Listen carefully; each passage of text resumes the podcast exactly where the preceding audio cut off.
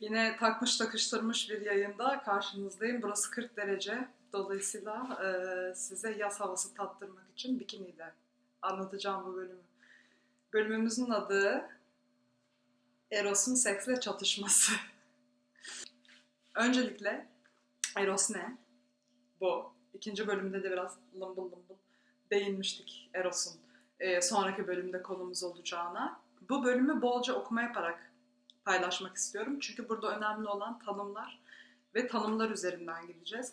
Not tutmayı bile yarısında bıraktım. Öncelikle biraz tanım, biraz anladığımı anlatmak, biraz da genel bir çerçeve çizmek için yine teknolojiyle problemlere doğru nasıl evrildiğimiz, neyimizin eksik olduğu ve bu karantina döneminde kendimizi iyi hissetmek istiyorsak ya da hayatta başka sorunlarla yüzleşirken kendimizi iyi hissetmek istiyorsak içeride nereden güç alacağımızı, nereden güç almamız gerektiğini ve neyi kaybettiğimizi açıklamak için bu Eros terimini inceleyeceğiz şimdi beraber. Şimdi Yunan mitolojisindeki tanrı olan, Afrodit'in oğlu olan Eros'u nasıl tanımladıklarından başlıyorum. Birçok güzel çocuk doğdu Afrodit ve Ares'e. Eros küçük oğulları aşk tanrılığına atandı. Şefkatli ve özenle bakılmasına rağmen bu ikinci çocuk diğer çocuklar gibi büyümedi. Tiril tiril kanatlı ve muzipçe, gamzeli yüzlü, küçük, al yanaklı, tombul bir çocuk olarak kaldı. Sağlığı için kaygılanan Afrodit Temis'e danışınca, Temis kahince, aşk tutku olmadan büyüyemez yanıtını verdi. Sonra bir de tutku tanrımız var. Onlar birleşince olay büyüyor. Bu e, bölümde Yine önceki problemleri destekleyen bir şekilde gidiyoruz. Teknolojinin ve kitlesel iletişim araçlarının nasıl seksin sıradanlaşmasında rol oynadığını zaten konuşmuştuk, kitapta da incelemiştik. Şimdi bir başka çağdaş sorun olan seksin erostan ayrılmasını ve bu iki tanımın farklı özellikler gibi gözükmesini, algılanmasını, birleşememesinin yarattığı insanlardaki mutsuzluk ve kopukluk halini inceleyeceğim. Şimdi Eros kendi bütün bölümden anladığım kadarıyla bu bizim itici güç, içimizdeki seks olmayan ve bugünlerde nedense erotizmle eş tutulan bu tanım aslında bu değil. Bu aslında bizi hayata bağlayan, yaşama bağlayan, kendimizden üst bir bilince çıkmak için duyduğumuz isteğin adı, doğaya bizi bağlayan, bizi sanata doğru iten, bizi kendimizin en iyi olabilecek potansiyelinin üst noktalarına taşıyan güç, itici bir güç.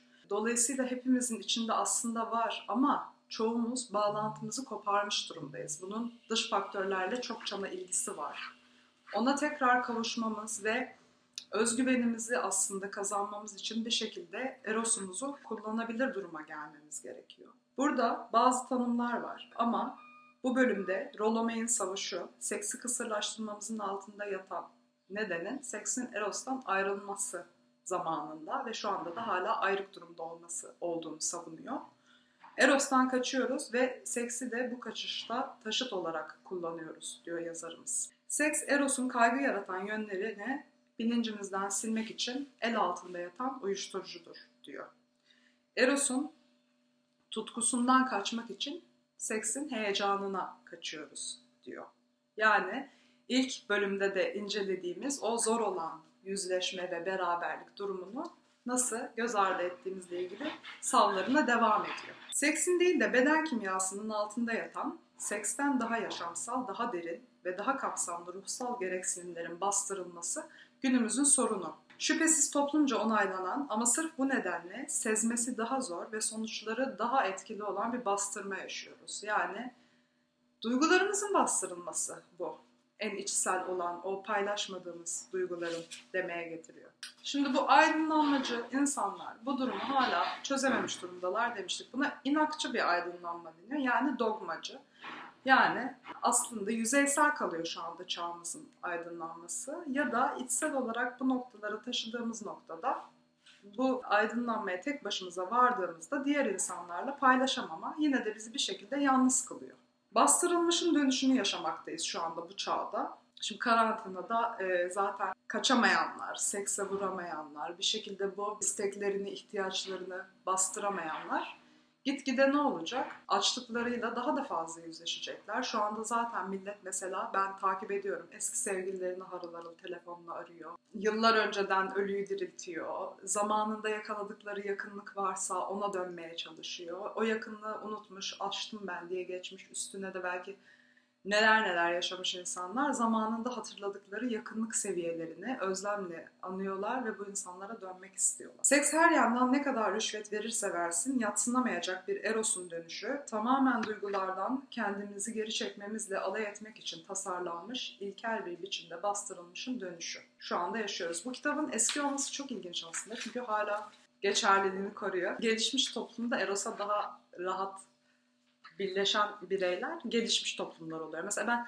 İtalyanları örnek vereceğim. Çok bilmemekle beraber bir arkadaşımdan dinlediğim kadarıyla çok daha başka bir flört ve beraberlik kültürleri var. Şu anda bizim toplumumuz bu konularda çok geride tabii ki ve e, ilişkiyi nasıl yaşayacağını bilmiyor açıkçası insanlar. Buna zaten çok fazla değinen var. Eros nedir? Günümüzde eros, erotizmin veya cinsel heyecanın eş anlamlısı olarak kullanılmaktadır. Fakat yanlış. Eski Yunan mitolojisindeki haline hemen dönelim. Bize Eros'un dünya üzerindeki yaşamı yarattığını anlatır. Dünya çorak ve cansızken can veren oklarını kavrayıp dünyanın soğuk bağrını delen Eros'tu ve kahverengi yüzey anında bereketli bir yeşillikle kaplandı. Bu Eros'un yaşamı yarattığı araç olarak seksi nasıl içine aldığının hoş bir simgesel resmidir. Daha sonra Eros, çamur biçimindeki erkek ve kadının burun deliklerine üflendi ve onlara yaşam ruhunu verdi. O zamandan beri Eros, seksin gerilim boşaltma işlevinin aksine yaşam ruhu verme işlevi olarak önem kazandı. Eros, diğerleri Kaos, Gaia, toprak ana yani, ve Tartarus, parantez, Hades'in toprak altındaki karanlık çukuru olan dört asıl tanrıdan biriydi. Joseph Campbell'a göre Eros, ne kılıkta olursa olsun ataydı, yaşamın kaynaklandığı ilk yaratıcıydı. Seks, fizyolojik terimlerle bedensel gerilimin birikimini ve onların salı verilişi olarak yeterli bir biçimde tanımlanabilir. Eros tam tersine eylemin kişisel niyetlerinin ve anlamlarının yaşantılanmasıdır. Açacağız bunu. Seks bir uyarım ve tepki ritmi iken Eros bir varlık durumudur. Ben Eros'tayım abi kesinlikle. Yüzde bin beş yüz Eros'tayım. Çok da mutluyum burada olmaya. Yine bir kıyasla geliyorum. Seksteki zevk Freud ve diğerleri tarafından gerilim azaltılması olarak nitelenmiştir. Eros da ise aksine heyecandan kurtulmayı değil ona tutunmayı, onun tadını çıkarmayı ve hatta onu arttırmayı dileriz. Seksin gösterdiği yolun sonunda tatmin ve rahatlama varken Eros bir arzulayış, özlem, sürekli ulaşmaya çalışma, büyümek için çabalayıştır. Yani süreç olmasından bahsediyor. Bir tanesi sonuca odaklı, diğeri bu sonuca giderkenki arzunun büyütülmesi ve bundan duyulan tatmin, hissiyat, bu şevk, bunu vurguluyor Eros. Yani içimizdeki o yaşam gücünün, ruhunun bir şeylere aşkla yansıması aslında. Yani sanatı olabilir, doğayı olabilir, insanı olabilir. İnsanı sevmek, sevmekten zevk almak. Sonucu değil, süreci sevmek, bunu büyütmek istemek, hep beslemek istemek. Mesela senelerce aşk yaşayanlar, eroslarını en güzel koruyanlar. Çünkü niye? Beslemeye odaklılar, devamlı buna bir yatırım yapıyorlar, bundan keyif alıyorlar. Yıkıcı olanlar yıkıyor, yapıcı olmanın keyfine varanlar erosunu bence en güzel yaşatan ekip. Hepimizin idealinin bu olması gerekiyor bence. Tekrar bir kıyaslamaya geldim. Eros'un tanımlarında yine şunlar var. Ateşli arzu, yanıp tutuşma, çoğu zaman duyumsal nitelikte olan kendini gerçekleştiren yüksek gayeli aşk. Latinler de sexus ve amor diye ikiye ayrılıyor. Mesela Latinler, işte o eskiler zaten sekse hiç tutulmuyorlar. Amor onların olayı aşk bedensel faaliyeti çok aşmışlar. Biz şu an günümüzde bedensel faaliyeti tekrar kafaya takmaya döndüğümüz için amoru unuttuk ama asıl dikkatimizi çekmesi gereken aşk ve eros olan aşk. Eros kanatlarını insanın hayal gücünden alır ve tüm teknikleri daima aşar demiş. Çünkü Eros bizi çeken güçtür. Geçtim, söyledim onu zaten en başında. Kendi fikrimmiş gibi yedirdim. Eros'un özü seks arkadan iterken bizi önden çekmesidir. Eros, ait olduğumuzla birleşmeye iten güçtür. Kendi olasılıklarımızla birleşmeye, sayesinde kendimizi gerçekleştirmeyi keşfettiğimiz diğer önemli insanlarla birleşmeye iten güçtür. Eros, insanın areteyi, soylu ve iyi yaşamı bulmaya kendini adamasını sağlayan arzudur. Arete hemen altta açmışım, incelemişim kelimenin kökenini. Yunanca'dan geliyor. Garip bir şekilde yazılıyor. Excellence of any kind of moral virtue. Yani herhangi bir eylemin en üst noktası ulaşılabilecek. Eros da ne? Bizi oraya ulaşmaya iten bir niyetimiz varsa iten güç ve eğer oraya ulaşmaya çalışan bir insansak Eros'umuz yerli yerinde oluyor. İnsan şefkatini yaratan durum işte bu eşle birleşme dürtüsüdür. Çünkü Eros tam olarak seks değil, şefkatin kaynağıdır. Ya da bu estetik ve felsefi biçimlerle veya yeni ahlaki biçimlerle birleşme isteği de olabilir. Sadece insanın insana duyduğu şey değil yani, hissiyat değil.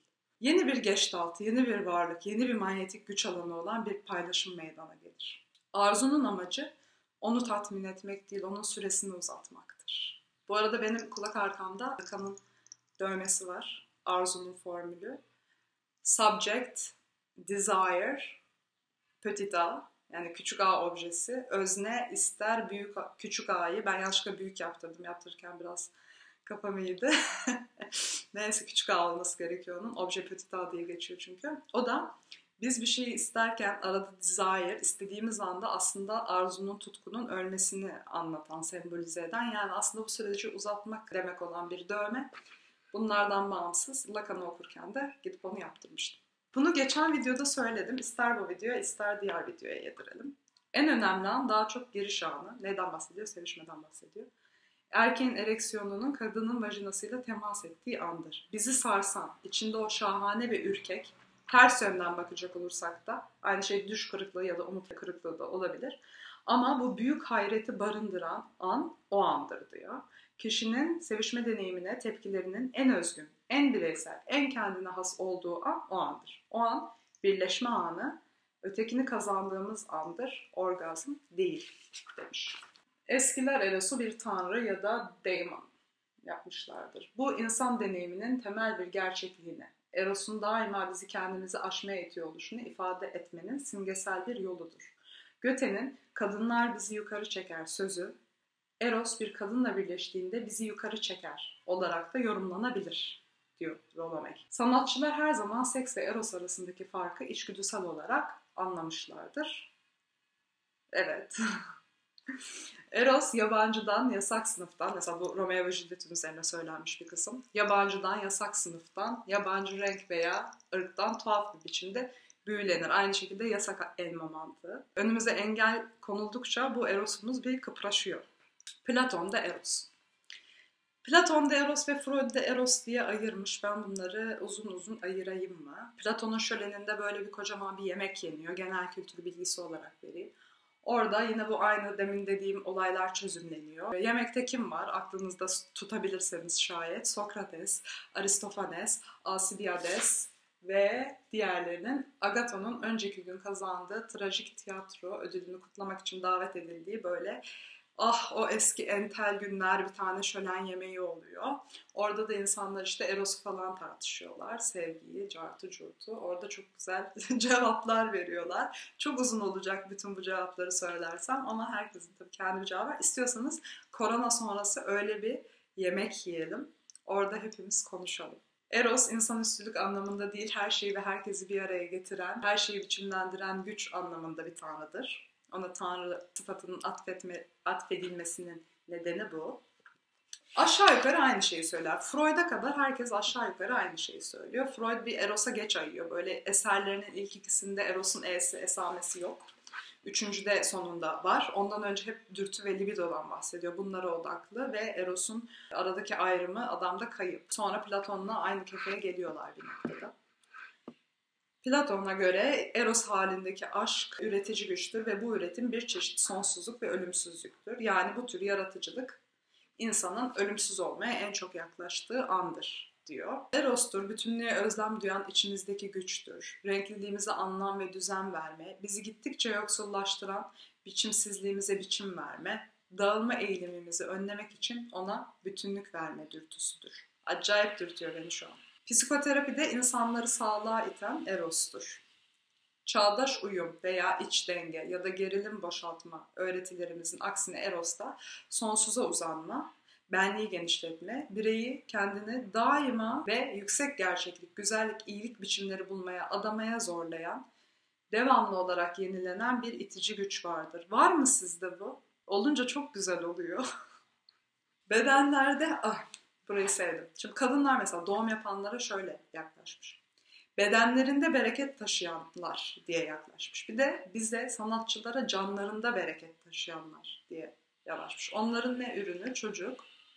Bizim de sanatımız. Dolayısıyla bereket çeşit çeşit. Biraz daha bilge duruyor muyum?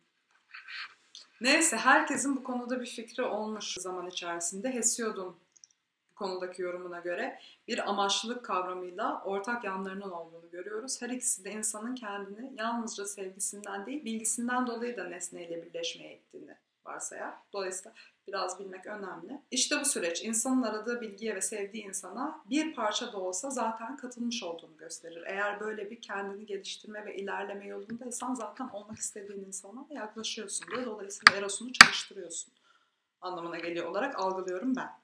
Nietzsche'de amor fati diye geçmiş. İnsanın kaderine olan aşkında da bir eros öğesi var demişler. Öyle kullanırsınız sağda solda. Ölümü ilerlemeyle veya gelir biriktirmeyle nasıl olsa kandıramazsınız. Bu şimdi gelsin birilerine. O halde neden kaderinizi kabullenmeyesiniz ve sahici değerler seçmeyesiniz? Olduğunuz varlığa ve parçası olduğunuz varlığa inanıp ondan haz duymayasınız. Niçin materyalistsiniz kardeşim? İçinize dönsenize. Sokrates'in aldatıcı bir basitlikle söylediği insan doğası Eros'tan daha bir yardımcı kolay bulamayacak sözü aslında önemli ve çok daha anlama gelen bir küçük cümlecik. Kendimizi sevdiğimize verip de özerklik merkezimizi hala koruyabilir miyiz? Eş zamanlı haz ve endişenin eşlik ettiği kaygılarımız öz saygı kaybıyla karıştırılmamalıdır diyor. Şimdi şöyle bir şey, Freud aşık olursak benliğimizi biraz yitireceğimizi düşünüyor. Ondan sonra Rolomeo öyle düşünmüyor. Ben iyi kontrol edilememiş hali kesinlikle benliğimden çıkarıyor. Dolayısıyla o bir heyecan alanı falan değil, bazen yıkım alanı olabiliyor. Biraz orada Freud'a katılıyor gibiyim. Çünkü aşık olmaktan kaynaklanan bu iç değer duygusu aşkın karşılıklı olup olmamasına bağlıymış gibi gözükmüyor. Hayır, tam tersine bazı aşklarda o iç değer duygusu artacağını azalıyor. Dolayısıyla karşılıklı olup olmamasına bağlı bence. Burada hemen yorum nasıl olsa bu yorum şeyi rollamaya burada katılmadığımı söyleyeceğim. Her aşk o tarz bizi bir heyecanlar ve bilinmeyen denizler dehlizine atmıyor. Bazen aynı bildiğin bok yani. Bir şey değil yani. Ona girmemek lazım çok. Onu da çok aşk sanmamak lazım zaten. O da başka bir alan. Her iki Eros anlayışı da genital cinsel aşkı, kardeşlik ve yurttaşlık sevgisini, bilim, sanat ve mükemmellik sevgisini içine alır. İki farklı Eros olduğunu varsayarsak bu Freud'unki ile Platon'unki gibi ayırırsak. En ciddi patolojiler dışında hisler her zaman kişisel bir alanda insanın benliğini kişisel olarak yaşantıladığında ve çevrede aslında kimse olmasa da başkalarının olduğunu hayal ettiğinde meydana gelir. Hislerimiz diğer insanı sadece dikkate almaz. Gerçek anlamda mevcut diğer insanların hisleriyle kısmen şekillenir. Yes. Manyetik bir alanda hissederiz. Yes. Duyarlı bir insan genellikle farkında olmadan bir keman telinin odadaki tüm müzik tellerinin titreşimiyle kulağının algılayamayacağı kadar küçük oranda da olsa tınlaması gibi çevresindeki insanların hislerini almayı öğrenir. Empath diyorlardı en son buna. Anlam ona ancak tutku tanrısı Anteros doğduğunda açıklanmıştı. Afrodit diyor bu Eros diyor niye büyümüyor diyor. Sonra tutku tanrısı Anteros doğduğunda anlıyor. Kardeşiyle birlikteyken Eros büyüyüp serpildiği yakışıklı bir genç oldu fakat ondan ayrıldığında çocuksu haline ve yaramazlıklarına devam etti. Bugünkü sorunlarımızın arasında şöyle bir gerekçe var. Eros Afrodit'in olduğu kadar Ares'in de oldu. Dolayısıyla içinde saldırganlık barındırıyor ve günümüzde Eros'umuz tekrar çocuksu bir hale geliyor. Çünkü unutuluyor. Eros'un unutulması diye açıklamış bunu da kitapta. Eros'un bitkin bir aşk tanrısı olarak resmedildiğini görüyoruz yeni resimlerde. Arkaik sanatta Eros güzel kanatlı genç olarak anlatılır ve git, gitgide öylesine gençleştirilir ki Helenistik dönemde o artık bir bebektir. Alexander'in şiirinde yaramaz bir çocuğa düşürülmüştür. Yani gücünü kaybetmesi. Eros tutkuyu yitirdi ve yavanlaştı, çocuklaştı, sıradanlaştı. Bunun günümüzün teknolojisiyle bağlantısı şu. Uygarlığın, iktidarın var olması için bir şekilde Eros'un gücünü kaybetmesi gerekiyor. Çünkü Eros gücünü kazandığı zaman her zaman bir tehdit oluşturuyor. Dolayısıyla şu an günümüzde gücünü kaybetmiş durumda. Çünkü Eros var olan biçimleri kırıp yenilerini yaratır demiş ve bu da doğal olarak teknoloji için bir tehdittir demiş. Uysallaştırılmamış Eros zamanın tüm kavramları ve kısıtlamalarına karşı savaşır demiş. Uysallaşmasın. Eros ve teknoloji arasındaki savaşı görüyoruz günümüzde. Seks ve teknoloji ise mesela uyum içinde. Onların birbiriyle bir sorunu yok. Çünkü güçlerini birleştiriyorlar. Hafta sonu gidiyorsun gerilimini atıyorsun. Hafta içi gidiyorsun işine dönüyorsun. Yani çağımızın gerekliliklerini seks baltalamıyor. Ama erosumuzu kuvvetli tutarsak erosumuz baltalıyor. Son cümleyle bitiriyorum artık. Eros bir kültürün canlılık merkezidir, kalbidir, ruhudur. Gerilim boşaltıcının yerine Eros geçtiğinde bu uygarlık için tehdit olur. Hatta uygarlığın çöküşü kesinleşir diye bitiyor bu chapter'ımız. Var mısınız? Yeni bir çöküşe ve baştan yaratmaya.